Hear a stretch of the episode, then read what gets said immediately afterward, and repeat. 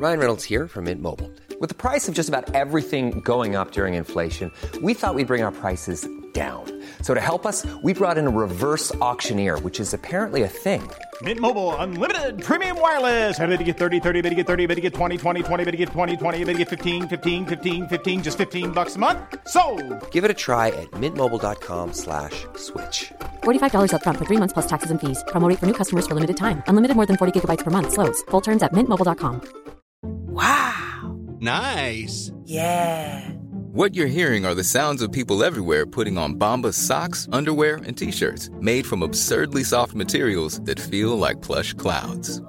Yeah, that plush. And the best part? For every item you purchase, Bombas donates another to someone facing homelessness. Bombas. Big comfort for everyone. Go to bombas.com slash ACAST and use code ACAST for 20% off your first purchase. That's bombas.com slash ACAST. Code ACAST.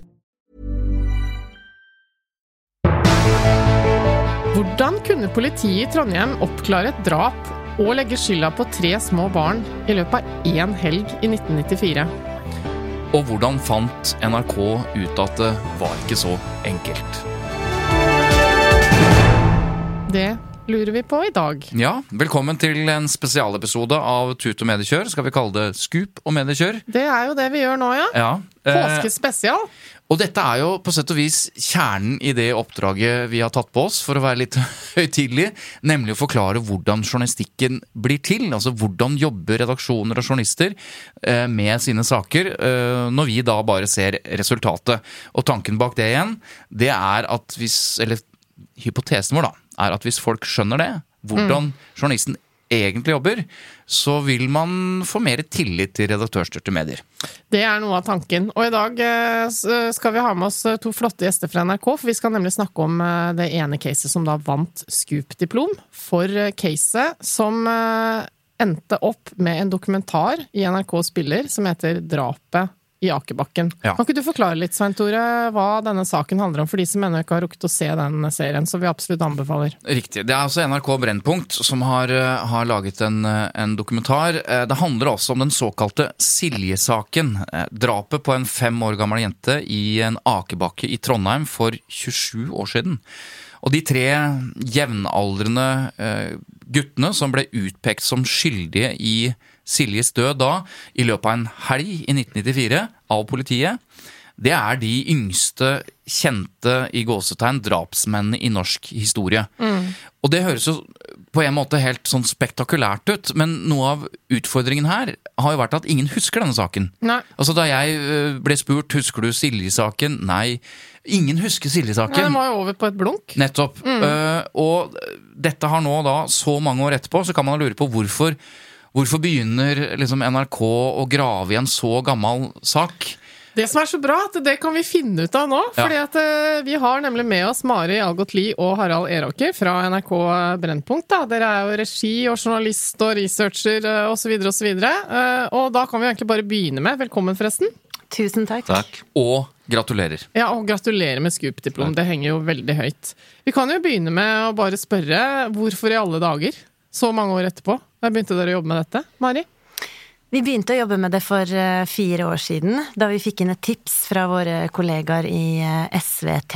De hadde laget en dokumentarserie om noe, en sak som eh, ble kalt Kevin-saken, hvor fire år, gammel, fire år gamle Kevin ble funnet drept, og to brødre på fem og seks år fikk skylden for dette. SVT sin dokumentarserie avslørte at politiet ikke hadde bevis, at de hadde presset guttene i avhør. Eh, og de ble senere renvasket, eh, og statsadvokaten konkluderte med at det var ikke disse guttene som hadde tatt livet av Kevin.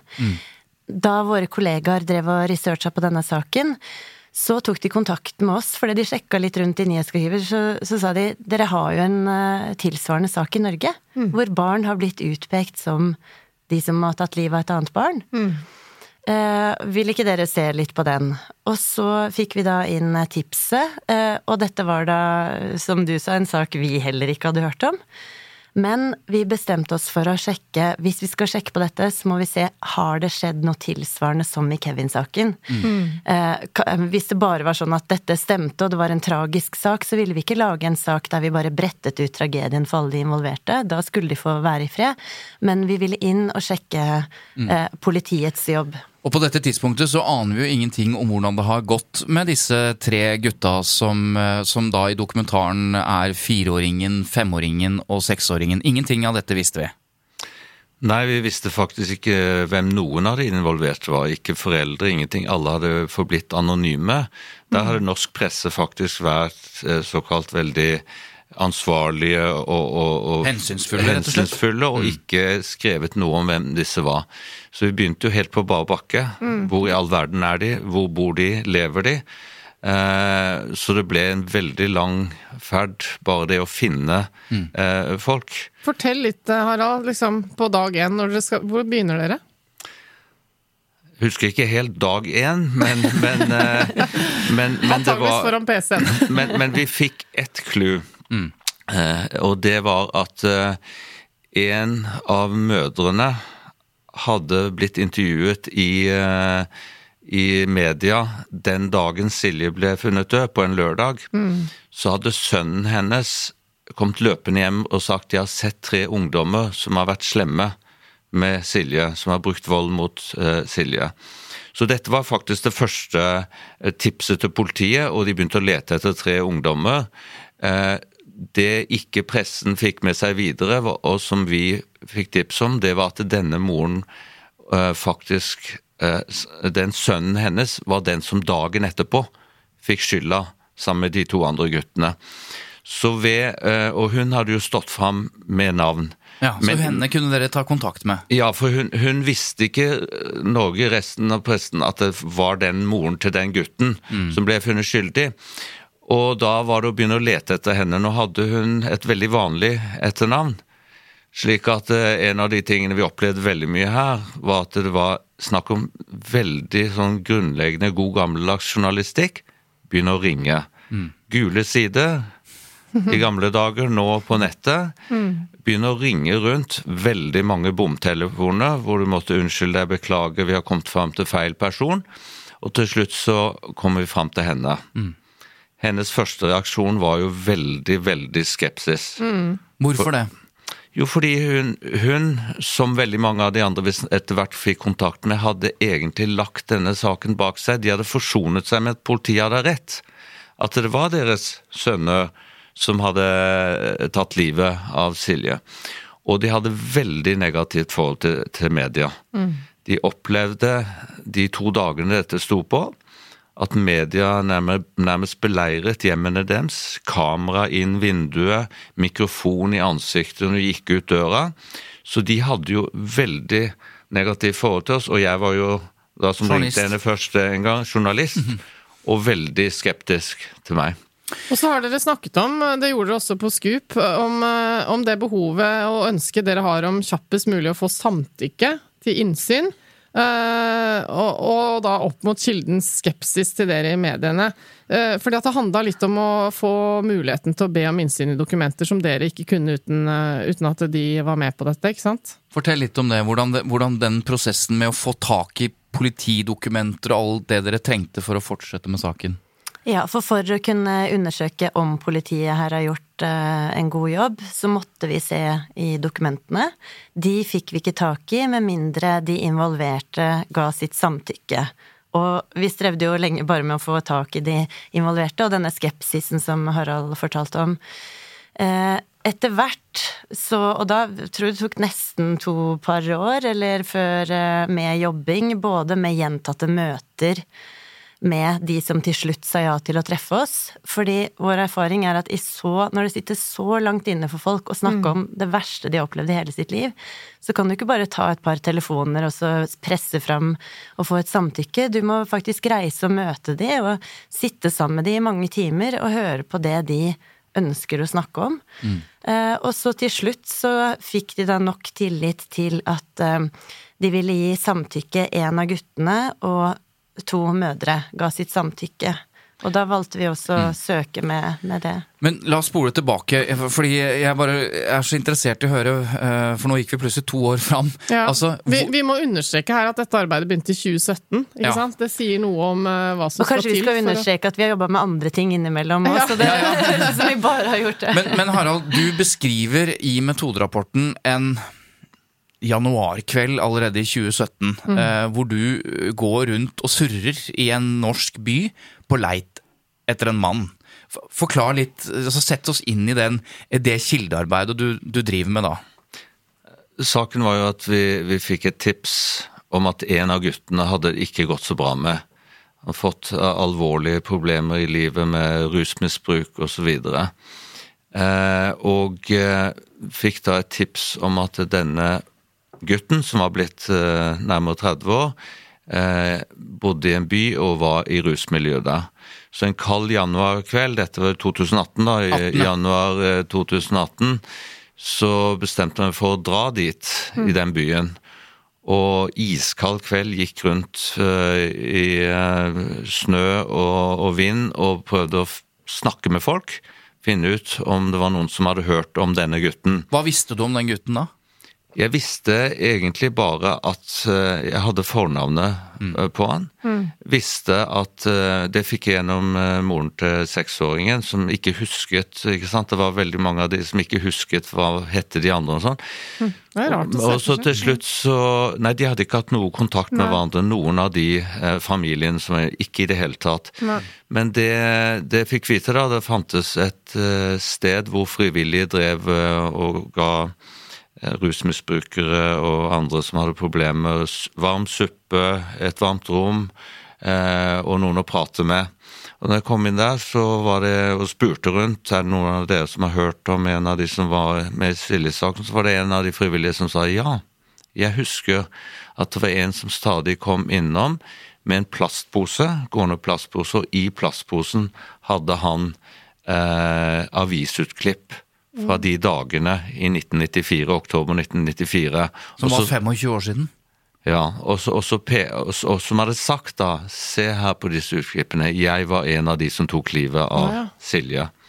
Og på den måten fikk vi bekrefta hvor han var, og mer informasjon om hvordan vi kunne finne han. Men er ikke det også han som eh, senere har sagt at han husker ingenting? Har han altså sagt da Han har på en måte eh, akseptert eh, den offentlige forklaringen, til tross for at han selv ikke husker? Han har jo fått vite hele livet at det er han som har gjort det. Både av, av, av lærere, politi osv. Så, videre. så han har kjøpt den historien og tatt på seg skylden. Veldig skyldfølelse over at han har vært en av de som har gjort dette. Han sa jo også, eh, da vi har snakka om han flere ganger, at han eh, Han har ikke noe minne fra det, men han har bare tenkt at jeg må jo ha gjort det, ikke sant? Fordi alle, alle sier at jeg har gjort det, så da har jeg vel det.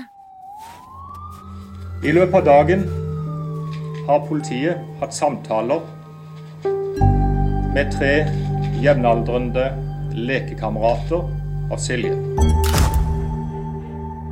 Blant disse er det utøvet kraftig vold mot Silje.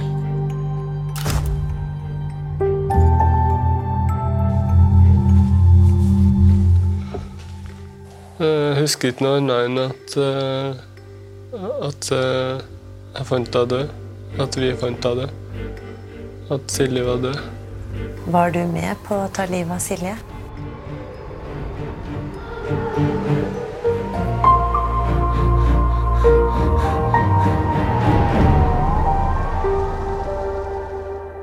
Jeg har bare lyst til å smette inn her at eh, femåringen og seksåringen, som de nå blir kalt da, i deres prosjekt, de var jo til stede faktisk på Scoop.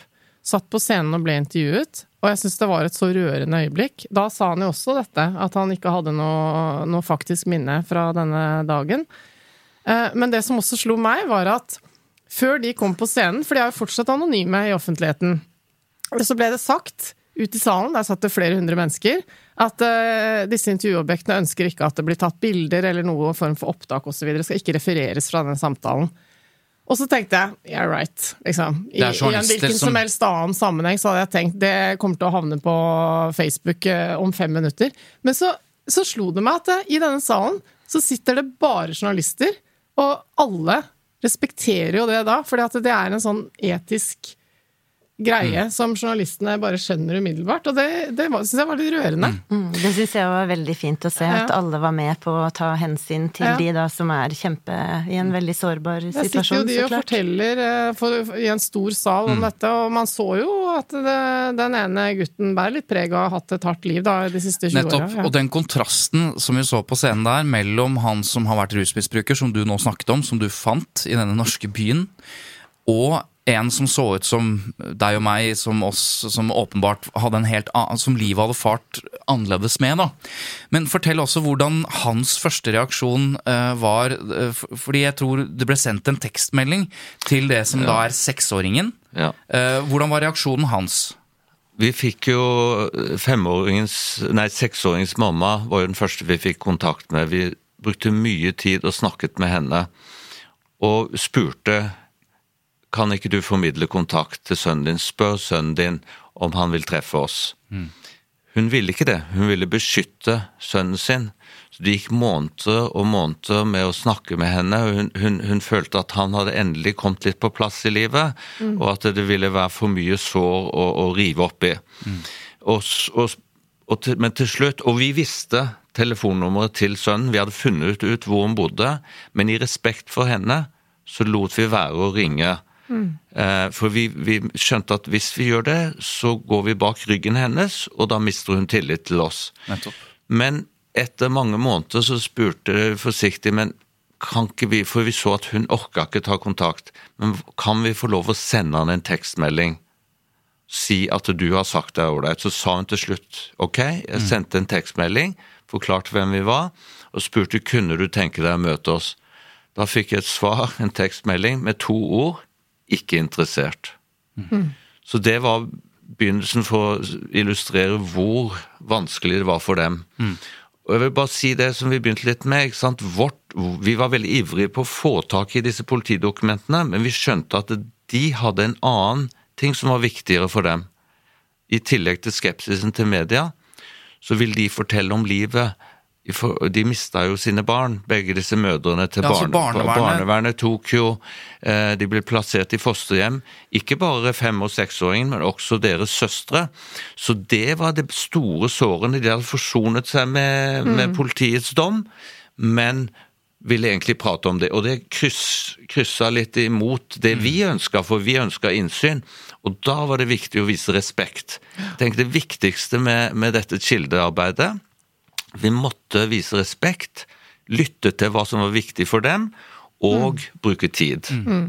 Men, Ja, det er så mye jeg lurer på. Og, og for det første så er det bare, bare det du sier nå om at altså, familien ble fratatt barna sine som følge av dette, som vi skal snakke om mot slutten. Eh, Hvor står denne saken nå? ikke sant? Hva var det egentlig som skjedde? Men det er altså så grusomt. Og en annen ting som jeg har merket meg ved, er at eh, han seksåringen som du nå forteller om, som ikke var interessert, han, eh, når dere begynte å få dialog, han hadde jo ikke engang fortalt sin samboer eh, i nåtid om at han var en av disse barna som var blitt eh, dømt for dette.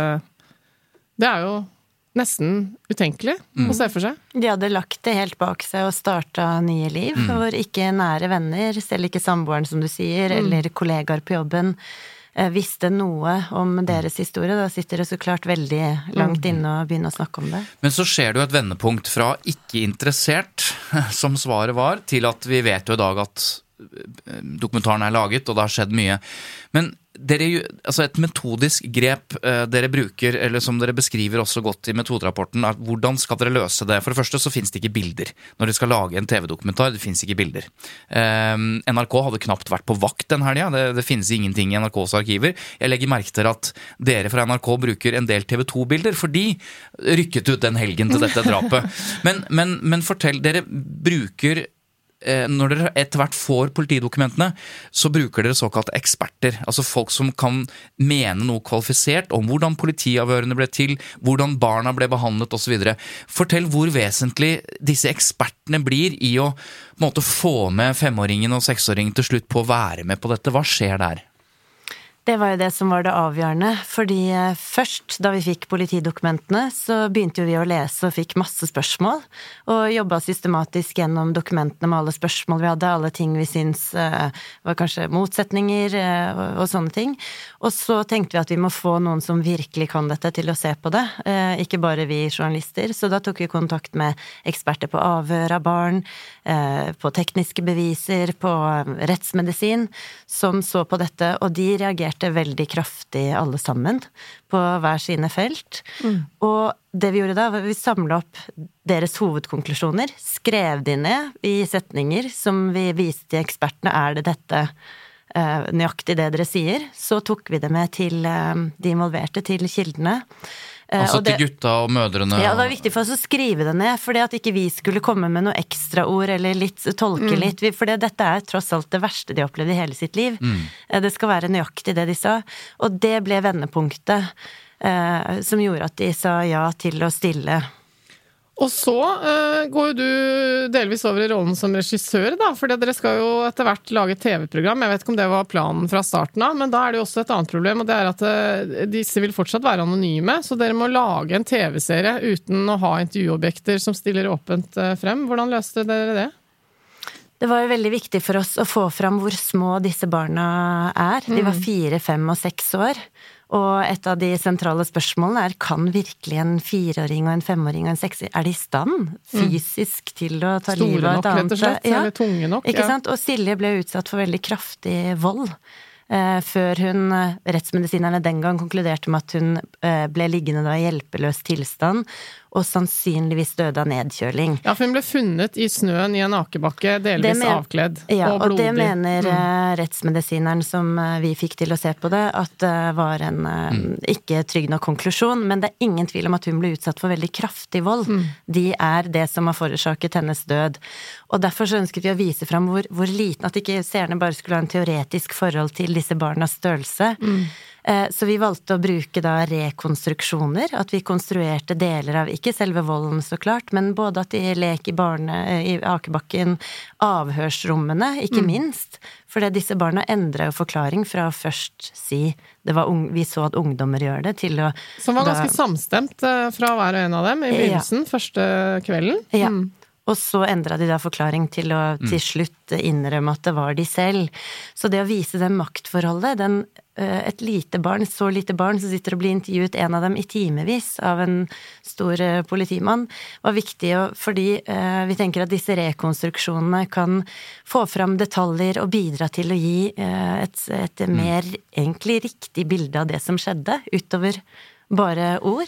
Her våkner vel du, Svein Tore, for ja. de fikk jo inn Asbjørn Rachlew, som du har skrevet bok sammen med, om ja, avhørsteknikk. Og her blir jo på en måte eh, sammenligningen, eller fellestrekkene ved det såkalte Kevin-saken, som vi startet med, veldig eh, tydelige. Altså, både politiet i Sverige og i Norge hadde en avhørsmetode, eh, ikke bare eh, når de avhørte barn, men, men en avhørsmetode som, som, vi vet nå var en helt annen enn den vi har i dag. Den var fokusert på få tilståelser. Den den var eh, gradvis eh, manipulativ. Og vi vet jo, vi som har barn, at fireåringer og femåringer og seksåringer kan jo på et gitt tidspunkt si hva som helst. Og det ble jo også sagt noe av fireåringen i avhør som var helt bare åpenbart fri fantasi. Han snakket om at, at Silje ja, var, svevde, eller Ja, det var femåringen, femåringen var det. som, som avslutter avhøret når han da eh, forandrer eh, forklaring, og til slutt sier at vi putta to Eh, først putta jeg én planke under Silje, så en annen planke, og så svevde hun opp i luften. Mm. Da avbrøt de avhøret, angivelig etter ti minutter. Det er det de hadde, ti minutter, og med tilståelse mm. som alle egentlig kan skjønne dette er jo et barns fantasi. Mm. Men likevel var det ingen i politiet som stilte noe spørsmål ved det. De bare sa nå har vi eh, en av gjerningsmennene der. Og eh, Asbjørn Rachlew, som har jo vært med å endre hele den avhørs praksisen eh, får jo lese eh, dokumentene og reagerer veldig kraftig. Eh, og, og, hva, og, hva, skjer videre da? Fordi det, det, hjelper ikke om han reagerer. altså Noen må jo ta tak i det. Og, og politiet i Trondheim ville åpenbart ikke gjenåpne denne saken på eget initiativ. Hva var det som skjedde da? Han ble jo både det han leste i dokumentet, men også når han hørte hva, hva politiet i Trondheim at de faktisk forsvarte det arbeidet som var gjort en gang, så ble han så opprørt at han selv gikk til Riksadvokaten og ba om å bli satt på som gransker av denne saken i seks uker. Så han gransket da saken på vegne, på oppdrag fra Riksadvokaten i seks uker, og kom da med en eh, knusende dom over det arbeidet som eh, ble gjort. Jeg, jeg vil bare si det at en av de tingene Raklev jeg husker han reagerte på da jeg satt hjemme hos han, så leser du seksåringens eh, avhør, så ser du at seksåringen holder på at det er ungdommer som møter jeg, Det er ikke jeg som har gjort det. Han gråter i fanget på moren. Jeg har ikke gjort det. Og så kommer, sier politimannen. Nå vet jeg hva fireåringen og femåringen har sagt. De har sagt sannheten og innrømmet at det er de som har gjort det. Nå må du også fortelle sannheten. Det er, det er jo et, et kjerneeksempel på hvordan du presser et barn til å endre forklaring, for nå er alle mot han. Også hans kompiser har sagt noe annet enn han sjøl, og moren begynner å si 'nå må du fortelle sannheten'. Så alle er mot denne seksåringen. Og dette leser dere skriftlig, for det er dessverre ikke opptak av disse avhørene, ikke sant? Nettopp. Mm. Det, det er jo, Kevin-saken var det jo videoopptak, Mm. men her ser du likevel, selv om det var referat, så ser du likevel hvor tydelig Mm. det legges et enormt press. Ja. Og allikevel prøver han igjen og igjen sammen, men det er ikke meg, vi er for små til å kunne gjøre dette. Må huske på at politiet mente at eh, disse tre guttene hadde mishandla Silje i, i, løpet av en times tid. Kast, brukt stein, hoppa på henne, sparka henne. Altså voldsom eh, Mm. anklager, og til slutt så bukker jo denne gutten under. Ikke sant? Ok, det var Og meg. en av dem hadde vel ikke Det var litt uklarhet om hvorvidt moren var til stede i rommet under dette siste avhøret også, kommer det jo fram i dokumentaren deres. Ja, Mm. i politidokumentet så står det at mor var til stede, og hun sier tviholder på at hun var ikke der. Hun kom fram, hennes versjon, hun kom Mm. åpner døra og får vite når han tilstått. Men det jeg ikke forstår, basert på nettopp det du sier nå altså Det er helt åpenbart, selv om du ikke er ekspert, at dette, dette politiarbeidet i løpet av den helga, avhørene, ungdommene som alle pekte på, som ikke ble avhørt, som ikke ble leita etter Alt dette førte til at dere fikk jo et, et, et bakgrunnsmøte med politiet, der de, eh, kanskje ikke så overraskende, innrømmet at det, dette var ikke bra. Ikke sant? Dette er ikke bra politiarbeid. Det var jo første de sa til dere. Ja, vi hadde et, et, en bakgrunnssamtale såkalt først, som de ville ha for, å, eh, for at nåværende politimester skulle si ja til å stille opp. Mm. Og det tok vi på Teams, det var jo korona, de ville ikke ha folk fra Oslo opp til Trondheim. Og da, da eh, overraskende nok, så satt politimesteren der med, med fire-fem andre i ledelsen. Eh, Og når vi presenterte eh, våre eksperters konklusjoner og kritikk, så sa først politimesteren ja, nei, vi har ingenting å forsvare oss med. Det er fakt vi er faktisk mer eller mindre stort sett enig i det. Vi har gått gjennom saken nå. Så vi tenkte at oi, de, nå, nå har de sett det sjøl. Nåværende ledelse har sett det sjøl, og kommer til å si det samme på intervjuet. Men hva skjer når dere kommer til Trondheim og gjør intervjuet? Ja, da er det Mari som intervjuer han. Ja, og da sa han jo plutselig noe helt annet. Det han sa da var at han mente det var en god etterforskning etter datidens standard. Noen har Og- snakka på bakrommet. Og det ikke fantes noen andre spor etter andre mulige gjerningspersoner. Men hvor, hvor, hvor, hva tenkte du da, når de plutselig skiftet helt Jeg ble forklaring? fullstendig tatt på senga. Jeg var ikke forberedt på det i det hele tatt, må jeg bare innrømme. Fordi de hadde vært så tydelige på det, på det møtet. Så, så det var bare kjempe, kjempeoverraskende. Men det vi gjorde i, i det intervjuet, som vi ikke tok med, men for å sikre oss, var at vi stilte spørsmål der vi refererte til den bakgrunnspraten, Mm. sånn at vi hadde mulighet til å bruke det Mm. uh, i dokumentaren eventuelt. For her oppstår det et presseetisk dilemma. Dere har gjort en bakgrunnssamtale som åpenbart da ikke er ment for publisering, heller ikke innholdet. Uh, Og det gjør man en, det er et slags premiss for den bakgrunnssamtalen. Men så opplever dere at, at de snur 180 grader, og da blir det jo veldig fristende å fortelle publikum at de sa noe helt annet Mm. noen uker før. Men hvor, hvorfor kan dere ikke gjøre det, eller, eller kunne dere gjort det? Altså, Hvordan vurderer dere det da? vi, vi mener vi kunne gjort det nettopp fordi vi stilte i det åpne intervjuet stilte vi spørsmål hvorfor sier du noe annet nå, nå Mm. enn du sa da. Mm. Og da svarte han på det samme, bare autopilot, at mm. vi mener alt var bra den gangen. Så vi, vi hadde jo mulighet til å bruke det, men det skjedde jo så mye annet viktig at vi tenkte det viktigste er ikke å, å, å vise nå at de plutselig snudde, det viktigste er å vise at Raklev kom på banen som plutselig førte til et mye større press på politiet, som endte med at de ville gi et nytt intervju, og, at vi også så etter hvert at de begynte å, Mm. å, vakle litt på denne skråsikkerheten på at Men alt det som er viktig å si, tenker jeg, for utgangspunktet er jo det du sier, vi bruker jo ikke informasjon fra bakgrunnsmøtet, vi bruker jo bare ting som er i et avtalt intervju. Men her var det annerledes nettopp fordi vi hadde referert til det, men også tenker, Det er stor forskjell på en bakgrunnssamtale med en kilde, en sårbar kilde eksempel. Her var det politiet som satt med hele ledelsen. Mm. De er myndighetspersoner, de snakker i kraft av sin stilling. Og har, eh, ja, vi tar en sånn finte, og da sikret vi oss muligheten til å kunne bruke det. Hva er konklusjonen, eller hva er resultatet av det arbeidet dere har gjort i løpet av fire år? Hvor står denne saken nå? Ganske rett etter dokumentarserien ble sendt, så beordret statsadvokaten gjenopptakelse av etterforskningen. Så den eh, selve politisaken holder på å bli etterforsket på nytt nå. Vi vet at eh, guttene har vært inne til nye avhør, og eh, det er også nye personer som har blitt avhørt i saken. Og barnevernet har også sagt at de skal granske saken. De har ikke kommet helt i gang ennå. Ja, for de det har skal jo ikke engang granske- snakket om nå, men det er jo en kjempesak dette med barnevernet også. Mm, ja. Ja, det, det vil jeg si eh, var kanskje nesten enda mer sjokkerende på en måte, fordi eh, vi fikk jo innsyn i alle papirene til femåringen. Eh, først så prøvde barnevernet å nekte oss innsyn, Mm. selv om vi hadde fått samtykke fra moren og, og femåringen, fordi de mente at eh, deres samtykke ikke var gyldig, fordi de ikke hadde nok eh, forståelse av hvilke, det å gi oss Altså, de Her kommer jo Altså, hele helt sånn- debatten om innsyn, altså pressens muligheter til innsyn i dokumenter eh, inn. Ekstremt viktig. Men her var det jo veldig spesielt, for barnevernet prøvde jo faktisk å umyndiggjøre to Ja, det var det personer mente, ja. som er myndige. Ja. Fordi at de da tolket det sånn at de var ikke i stand til å forstå konsekvensen av å gi papirene til oss. Så er snakk om overformynderi, da. Ja, og da ble ble jo både femåringen og moren rasende. Eh, og vi fikk jo heldigvis ordna det med hjelp av eh, jurister i NRK, og moren gikk faktisk til eh, fastlegen for å få en erklæring på at hun var ved sin fulle fem og kunne gi oss det innsynet. Men når vi da fikk det innsynet, så så vi jo hvordan femåringen hadde blitt behandlet allerede i barnehagen. Mm. Og det var sjokkerende. Mm. Han ble jo sett på som en morder. En farlig unge. For det var jo kjent i nærmiljøet at det var han som var utpekt, blant annet. I, I både barnehage og skole etter hvert så fikk foreldre som vite han er en av de tre.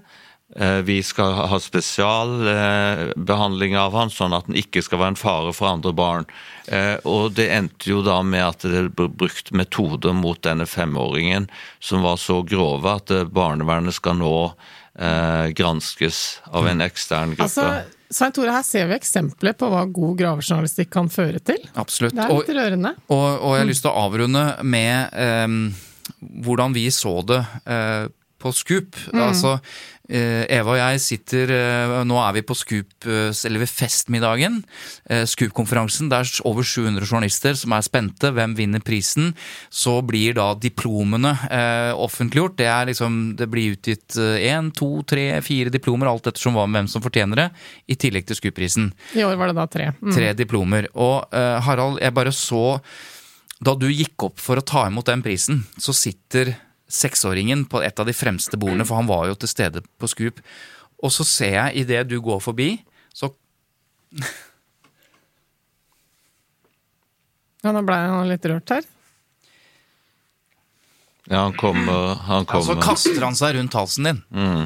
Mm. Um, som, men kan du bare prøve å forklare hva er det som skjer i det øyeblikket? Hvor, altså Nei, jeg ser jo han når jeg kommer forbi bordet, og han ser meg, og han kommer mot meg og, og rett og slett kaster seg rundt halsen, eller vi kaster oss egentlig rundt halsen på hverandre.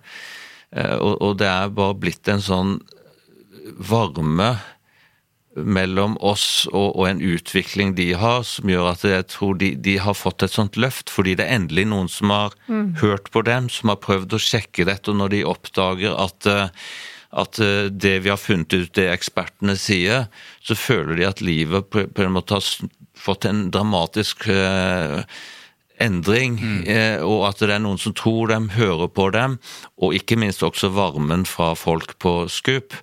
Den, den mottagelsen de fikk, eh, og at de nå sakene er gjenopptatt. Vi, vi føler jo at det er den største prisen. Eh, Scoop er jo hyggelig med en pris der, men, men det at denne saken gjenopptas, det er den største prisen. Jeg tror vi avslutter eh, med det. Hva? Vi avslutter med det, men jeg skal da si, i tillegg til at dere som nå sitter her, Mari og Harald, så var det altså Inger, eh, Inger Sunde, Cecilie Ellingsen, Sven Even Herra og Ole Jørgen Kolstadbråten eh, fra NRK Brennpunkt-redaksjonen som fikk denne, dette Scoop-diplomet. Rett skal være rett. Mm. Så igjen, gratulerer med ø, fantastisk ø, sak og gravearbeid gjennom fire år. Eh, beklager til lytterne som forventet en del kritiske spørsmål denne gangen. Uteble Vi er- fullstendig. Vi, er- vi har ingen det en- kritikk mot dette. Nei. Eh, og se dokumentaren for de som ikke har sett den, så nå har dere Ja, eh, i hvert fall en, Mm. hvert fall en grunn til det. Og med det så avslutter vi denne spesialepisoden av uh, Tut Mediekjør. Tusen takk for at dere kom, Mari og Harald. Takk takk. Produseres av Lyder Produksjoner, og vi høres igjen uh, i en ny spesialepisode sikkert, uh, like rundt hjørnet. Påsken er full av spesialepisoder av Skup og Mediekjør. Fortsatt god påske. God påske.